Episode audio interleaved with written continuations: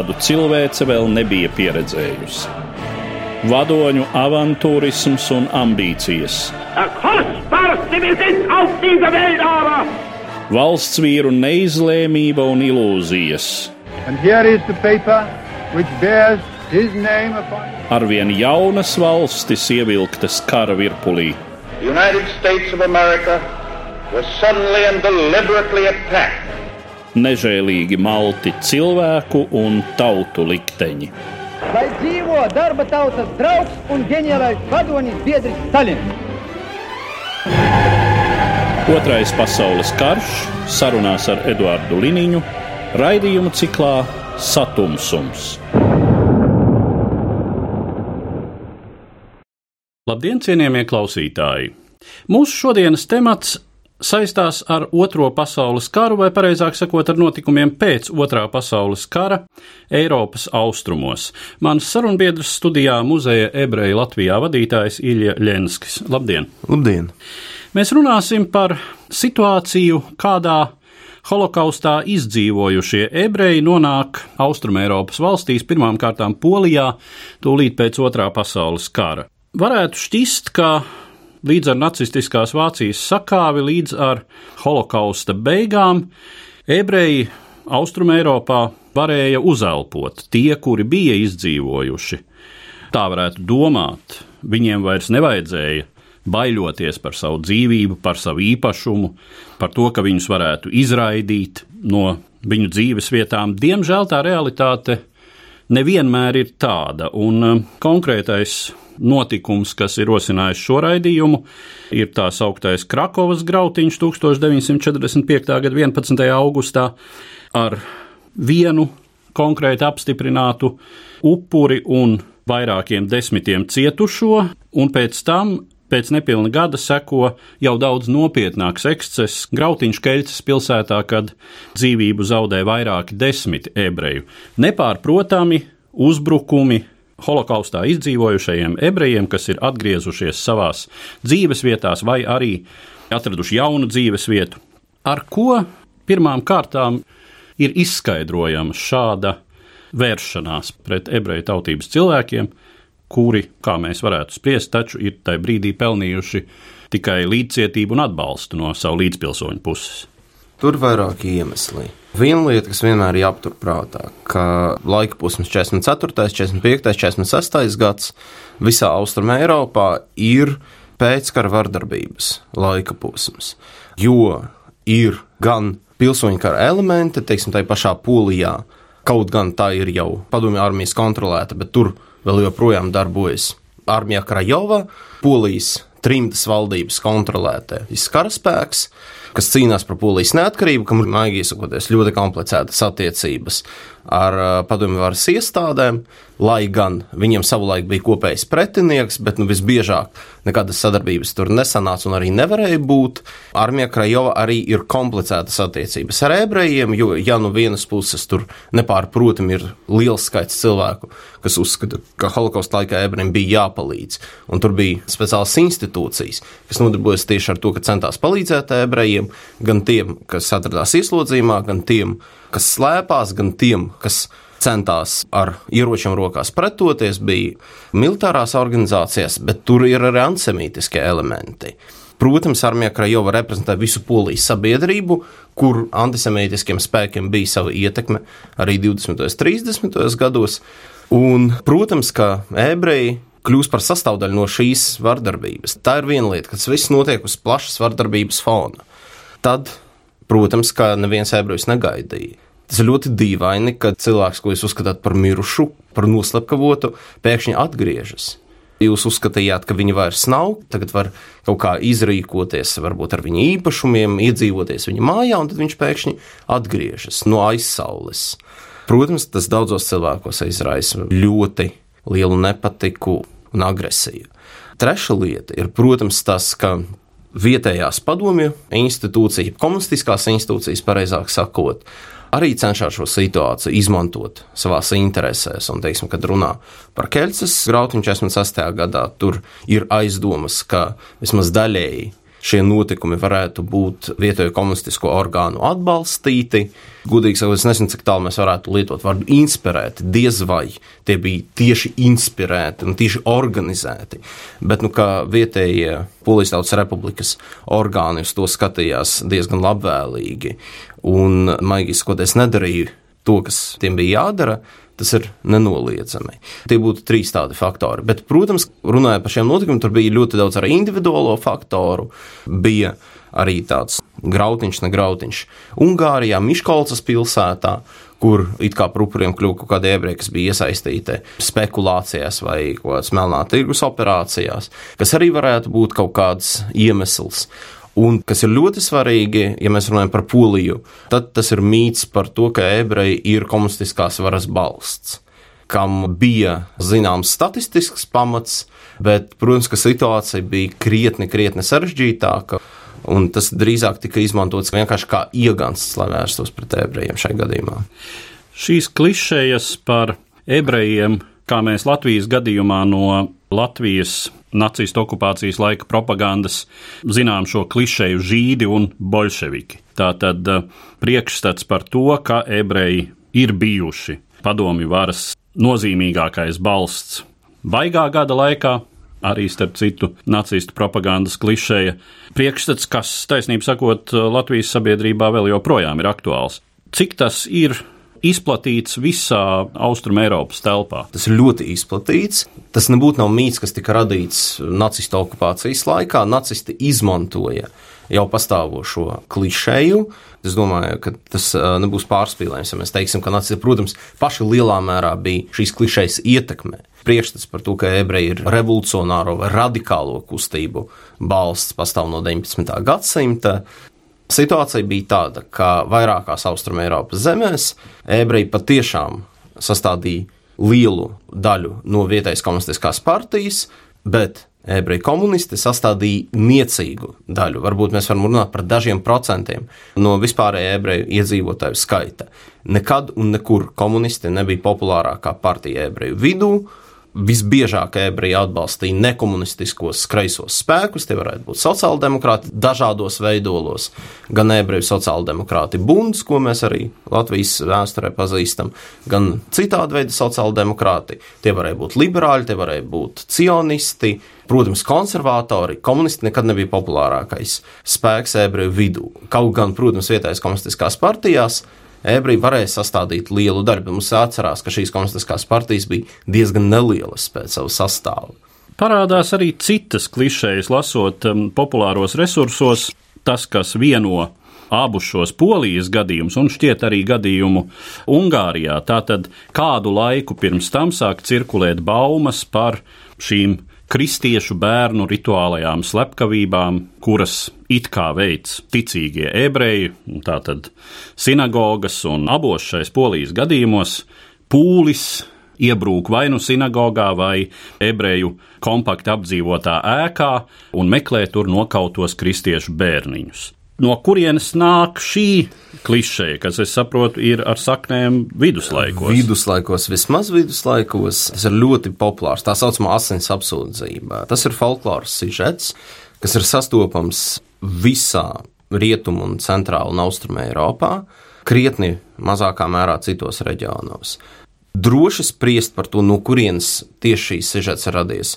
Ir grūti, tur ir vairāku sižetu amalhāma. No vienas puses ir ebreju īpašā attieksme pret asinīm, respektīvi, ebreju reliģiskā tradīcija pilnīgi, absolūti dzelžaini aizliedz asins lietošanu. Tātad kaut kas tieši pretējs tam, ko apgalvo šī apsūdzība. Jā, bet attiecīgi tas nozīmē, ka ēdiens, teiksim, gaļa, kad tiek gatavota, protams, ka tā gaļa tiek attīrīta no asinīm, un šī attīrīšana no asinīm ir kaut kāds vizuāls process, to cilvēki redz, Viņiem kaut kur varbūt uh, smadzenēs paliek, ka ebreji un asinīs kaut kā ir savstarpēji saistīti. Otra lieta ir īpaši katoļticībā. Kristus asinīm ir liela nozīme. Tā ir kulta lieta. Atkal, ja mēs runājam par eiharisti, mēs runājam par asinīm un miesu. Pirmā asins apsūdzība saistās nevis ar asins lietošanu un bērnu mocīšanu kaut kādam nolūkam, bet vispirms ar svētmaizes apgānīšanu, jo ebreji kā tādi arhitepiskie šai ziņā kristietības pretinieki sātana kalpi cenšas apgānīt, pazemot kristietību. Un, attiecīgi, viņi apgāna Kristus miesu svētmaize. Ir sižets par to, ka ebreji imitē Kristus ciešanas, visādi spīdzinot šo bērnu. Tur neiet runa par to, ka viņam šīs asins ir vajadzīgas kaut kādam nolūkam. Tas sižets, ko mēs Latvijā pazīstam, par to, ka ebreji pievieno varbūt asins pilienu macas gatavošanas procesā, tas ir relatīvi vēlens sižets. Sākotnēji tur iet runa tikai par to, ka viņi imitē Kristus ciešanas, spīdzinot šo nevainīgo bērnu, kas it kā iemieso Kristu, kā jau nevainīgs bērns. Tas ir ļoti izplatīts sižets. Mēs redzam, ka kaut kādos gadījumos tas nesaistās ar antisemītismu. Mēs redzam, ka Latvijas gadījumā man ir diezgan nērti par to runāt, bet nu, jūs varētu aizbraukt gan uz Latviju, gan uz Kurzemi un parunāt ar vietējiem iedzīvotājiem. Daudz stāstījis kaut ko no šī sižeta, kas absolūti nebūs saistīts ar to, ka šie cilvēki būtu antisemītiski noskaņoti. Viņiem pašiem ir normāla attieksme pret ebrejiem. Viņi varbūt atcerās savus ebreju kaimiņus ar lielu sirsnību, bet viņiem šī ideja galvā ir. Varu to apstiprināt. Vēl pagājušā gadsimta 80. gados, sarunājoties ar kādu savu klases biedru, viņš man pilnīgā nopietnībā stāstīja par dievmaizītēm ar bērnu asinīm. Acīm redzot, tas nāca no ģimenes, no runām, kas bija saklausītas no vecākiem vai radiniekiem. Jā, bet mēs arī redzam gadījumus, kad arī pēc otrā pasaules kara šīs apsūdzības izraisīja vardarbību. Un tad iet runa tikai par 45. 6. gadu, bet, teiksim, Daugopilī 57. gadā izplatījis baumas, ka it kā ebreji nozaga bērnu, un tas ir paslēpts sinagogā, un pūlis gandrīz izdemolēja sinagogu. Tur iejaucās milicija. Lietuvā, ja es nemaldos, tas bija Teļšos 60. gadā izplatījis baumas. Šīs bija lietas, kas cirkulē. Mums nav jādomā, ka tie ir kaut kāda viduslaiku apsūdzība. Nē, tas ir priestas, kas ir ļoti dzīvīgs. Cīnīties ar to ir pagrūti. Šodien tas ir mazliet mutējis un pārklājies ar uh, cīņu pret vakcināciju, piemēram, ar stāstu par to, ka ļaunie ebreju ārsti, kā tas bija izplatīts 50. gados, kad bija tā saucamā ārstu prāva padomju savienība, ka ebreju ārsti indē bērnus. Tad šodien mēs vispār uzskatām, daļa mūsu sabiedrības, ka redz ļaunie ārsti ar vakcināciju kaitē bērniem. Tas ir sižets, kas kaut kādā brīdī piesaistījās ebrejiem, sāk ar to cirkulēt, jo ebrejs Eiropas kultūrā tas ir klasiskais citādais. Pret ko tad vēl Eiropas kultūra var attiekties kā pret tādu eksotisko būtni? Jo, teiksim, atšķirībā piemēram no romiem, kas it kā ienāk telpā, pazūd, ienāk telpā, pazūd pret kuriem arī ir ļoti specifiska attieksme. Ebrejs tas ir citādais, kas tev dzīvo blakus, burtiski blakus istabā. Un tad ar viņu visu laiku notiek kaut kāda komunikācija. Bet šis motīvs visnotaļ figurē. Jā, protams, jo tas ir izplatīts folkloras motīvs. Cik tālu es zinu par notikumiem 45. un 6. gadā, arī garīdzniecība, varbūt maigākā formā, ne tik radikālā, bet tomēr pie šiem uzskatiem pieturās. Kaut gan kopumā katoļu baznīca bija diezgan atturīga attiecībā pret šo mītu un vairāk kārt norādīja, ka nu, nepacietīs ebreju apsūdzību asins lietošanā, bet kopumā garīdzniecības gan varbūt zemākajos līmeņos, gan arī augstākā hierarhijā šādi uzskati pastāvēja. Un, cik tālu es saprotu, tur bija sava loma, jo mēs runājam, protams, par Poliju, kas ir ļoti katoliska zeme, kur garīdzniecībai ir sava loma politiskajos notikumos, it īpaši, ja mēs runājam par 40. gadiem. Varbūt baznīcas neiejaukšanās arī nospēlēja savu lomu. Atgriežoties vēlreiz pie versijas, kas arī tiek pausta šai sakarā par to, ka patiešām šie notikumi ir bijuši lielākā vai mazākā mērā iespējams padomju drošības iestāžu vai poļu komunistu un attiecīgo viņu drošības dienestu inspirēti nolūkā vainu uzvelt poļu nacionālajiem spēkiem, tās augtās Londonas valdības atbalstītājiem, kuri, protams, cīnās par pirmkārt sarkanās armijas izvešanu no polijas teritorijas, otrkārt vispār polijas suverenitātes atjaunošanu, padomju ietekmes likvidēšanu Polijā. Cik daudz faktu ir, kas ļautu šo pieņēmumu apstiprināt? Mēs noteikti varam runāt par to, ka Polijas vismaz vietējie, ja mēs runājam par eh, Keļķas pilsētu, komunistiskie drošības dienesti, diezgan labvēlīgi skatījās uz grautiņa mēģinājumu. Viss sākās, ka viņi ielauzās, iebruka tajā ēkā, kur dzīvoja ebreji, it kā meklējot to nozagto bērnu. Kā ir runa par to, ka bērns it kā tika nozagts, bet tad palaists brīvībā, un tad viņš norādīja uz to ēku, kur it kā pagrabā viņš tika turēts ieslodzījumā. Izrādījās, ka tā ēka vispār nav pagrabā. Tad tur iebruka drošības dienestu pārstāvji, meklējot citus tur varbūt paslēptos bērnus, pilsētā izplatījās baumas, un tad jau sākās grautiņš. Vēl laikam visu sarežģīja tas, ka dažiem no šiem ebrejiem, kas šai mājā dzīvoja, jā, viņi bija bruņoti. Viņi bija bruņoti. Jā. jā, viņi bija bruņoti. Un, kad sākās iebrukums, tad, tad viņi sāka pretoties. Divi vismaz drošības dienesta darbinieki tika nošauti. Un, protams, tas arī kaut kā uzjundīja jūtas. Atkal, kā jau vienmēr šādos gadījumos, dokumenti pazuda, vai nu tie tika iznīcināti, vai vēl joprojām nav atrasti, bet daļa dokumentu nav pieejami. Grūti pateikt. Nebūdams eksperts šajā jomā, es neuzdrošinātos teikt, ka jā, patiešām tas bija organizēts. Bet, tur sava loma bija drošības dienestiem, tas ir nepārprotami, ka viņi darīja noteikti ne to, kas viņiem bija jādara šādā situācijā. Jo mēs redzam, ka tajā brīdī, kad uz ķēdes atbrauca vēl citi milicijas pārstāvji, bet drošības dienestu pārstāvji, kas tika atsūtīti no Varšavas. Tai pašā brīdī tas viss tika izbeigts. Tai brīdī, kad mēs redzam, ka centrālā vara organizēti iejaucās, tad to ir ļoti viegli apturēt. Un, starp citu, mēs redzam daudzos grautiņu gadījumos, arī teiksim, ja mēs runājam par 19. gadsimta Krieviju vai 20. gadsimta sākuma Krieviju. Kad centrālajai vārai ir vēlme iejaukties, tā to dara, Un tad grautiņš nenotiek. Mēs to redzam arī Latvijā, teiksim, 1919. un 20. gadā, kad ir ekscesi starp Latvijas armijas karavīriem un ebrejiem Latvijas pilsētās. Latvijas armija un Latvijas valdība nepārprotami saka, ka šādi ekscesi netiks paciesti, un viss. Un tas diezgan ātri viss tiek izbeigts. Tad mēs redzam, ka Keltas gadījumā, protams, ka tie drošības dienas un varas iestādes droši vien rīkojas maigiskos citādi. Vai mēs varam teikt, ka līdz ar vispārējo situācijas stabilizāciju Polijā un arī citur Austrum Eiropā, stabilizāciju nākot pie varas promaskaviskiem režīmiem un izveidojot šeit pēc Padomju Savienības parauga attiecīgi tādas pašas totalitāras valdības, tomēr šajā ziņā stāvoklis uzlabojas, tie ekscesi iet mazumā. Jā, it kā pēc 46. 7. gada vairs es tas nav, bet jāpaturprātā, ka no Polijas vairākums ebreju šajos divos gados izbrauc uz 48. gada Polijā. Pēc dažādiem aprēķiniem varētu būt teiksim, līdz 300 tūkstošiem ebreju, varbūt 250 tūkstoši. No viņiem vairāk par puse izbrauc šai laikā.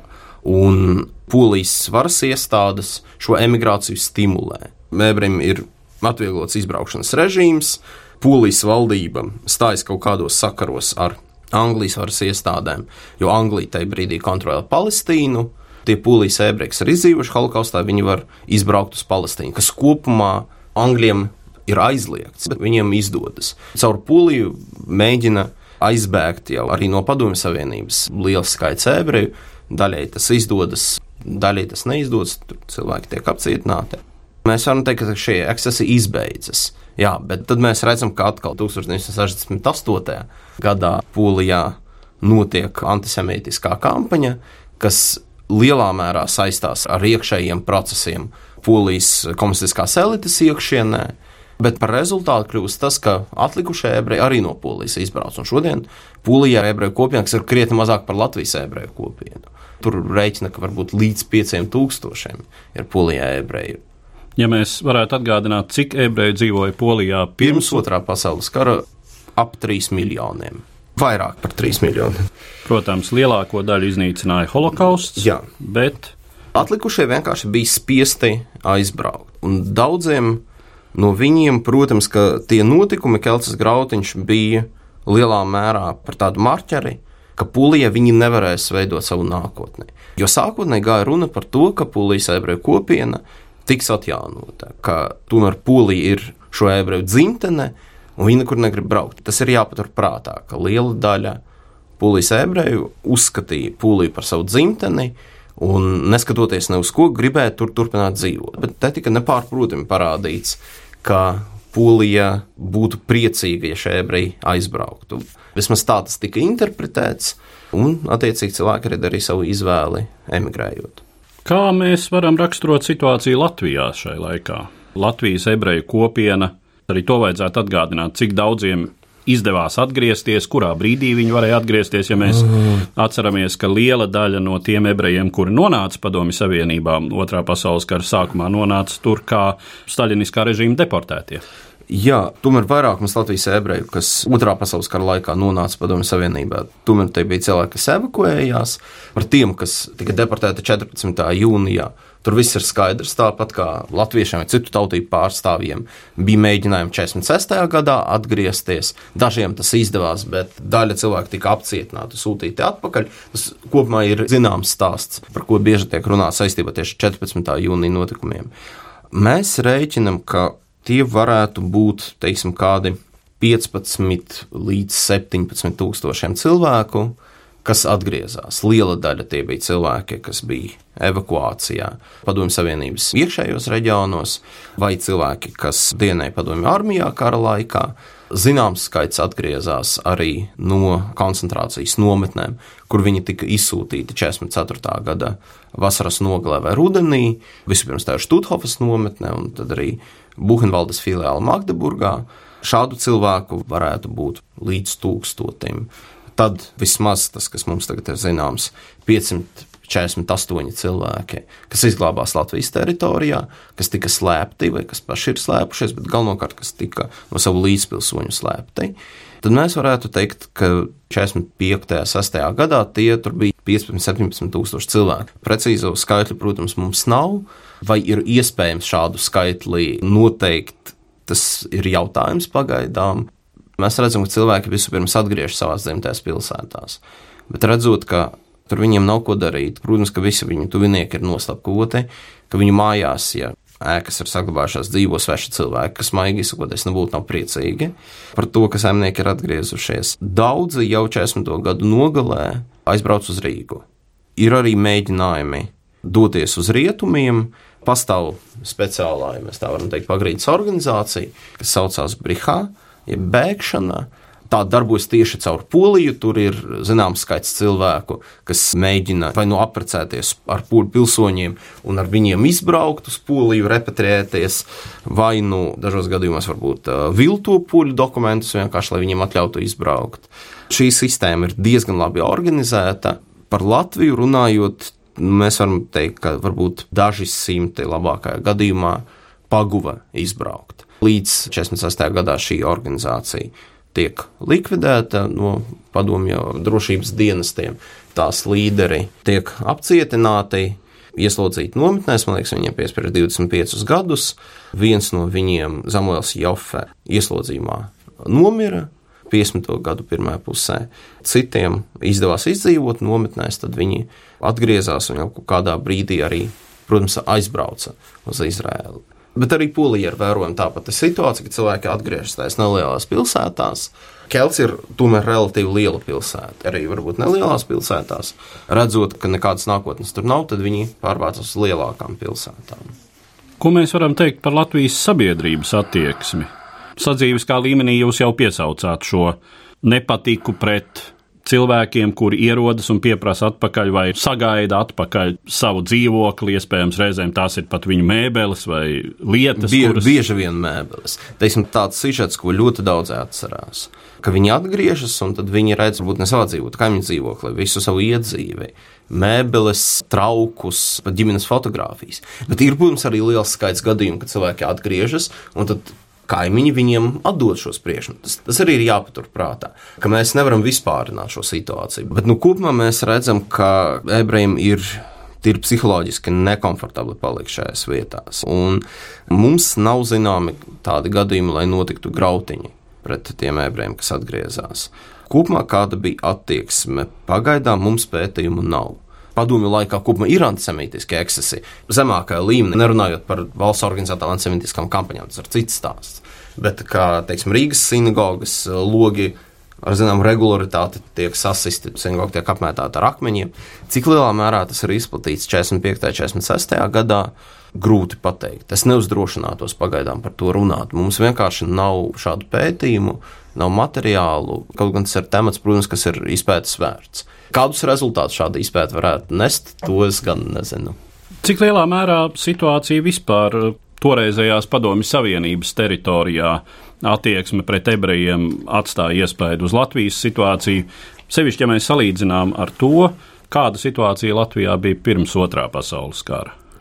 No vienas puses, protams, Latvijā kaut kādā veidā atbalsojas organizētās antisemītiskās kampaņas, kas notiek Padomju Savienībā. Ja mēs runājam par 49. un 50. gadu, kad ir tā saucamā kampaņa pret kosmopolītiem, tad, protams, arī tiek apcietināts liels skaits ebreju inteliģences pārstāvju.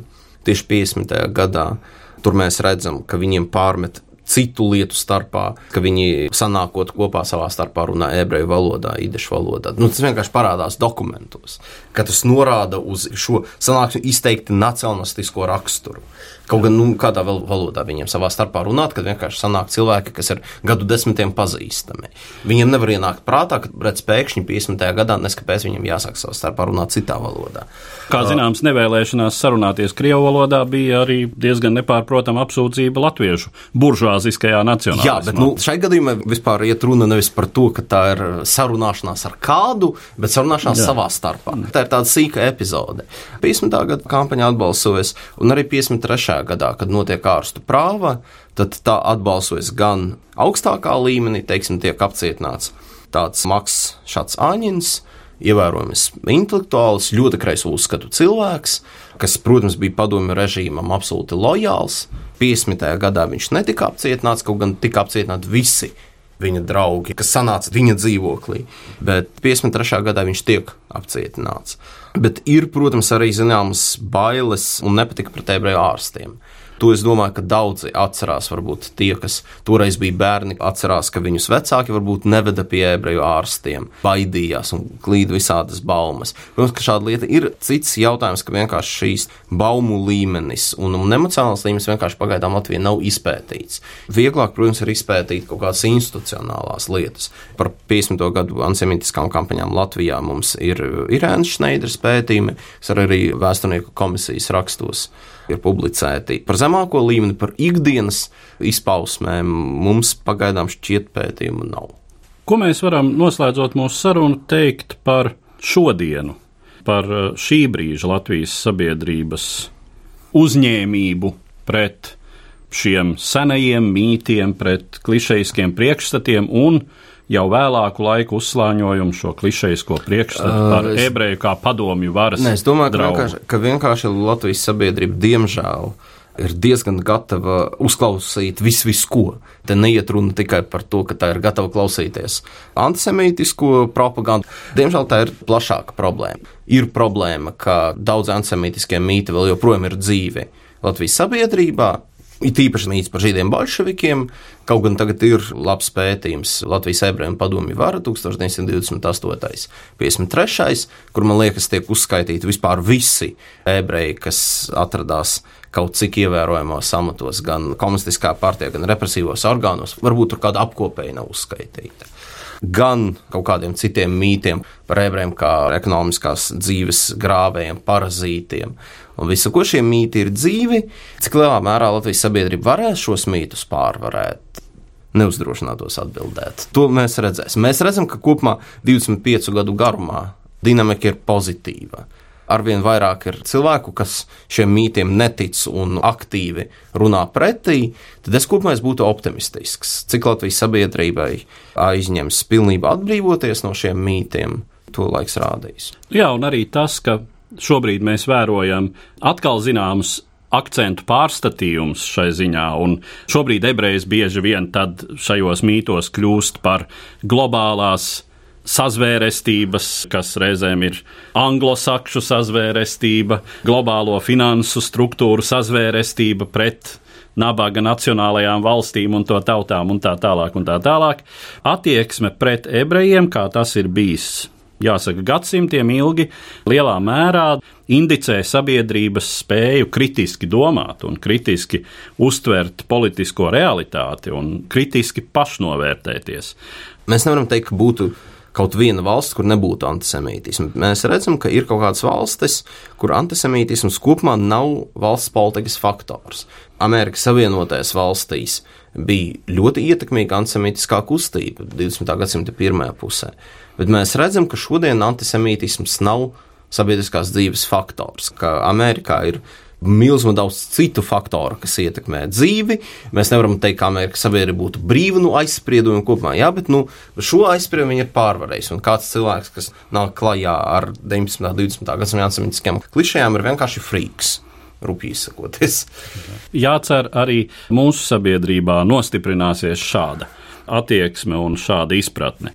Līdz ar to es noslēdzu mūsu šodienas sarunu, kas bija veltīta pamatā ebreju situācijai Austrumēropā pēc otrā pasaules kara, un es saku paldies manam sarunbiedram, muzeja ebreju Latvijā vadītājam Iļam Ļenskim. Paldies! Raidījumā šīs dienas acīm cikls Satumsums - sarunas par Otro pasaules karu.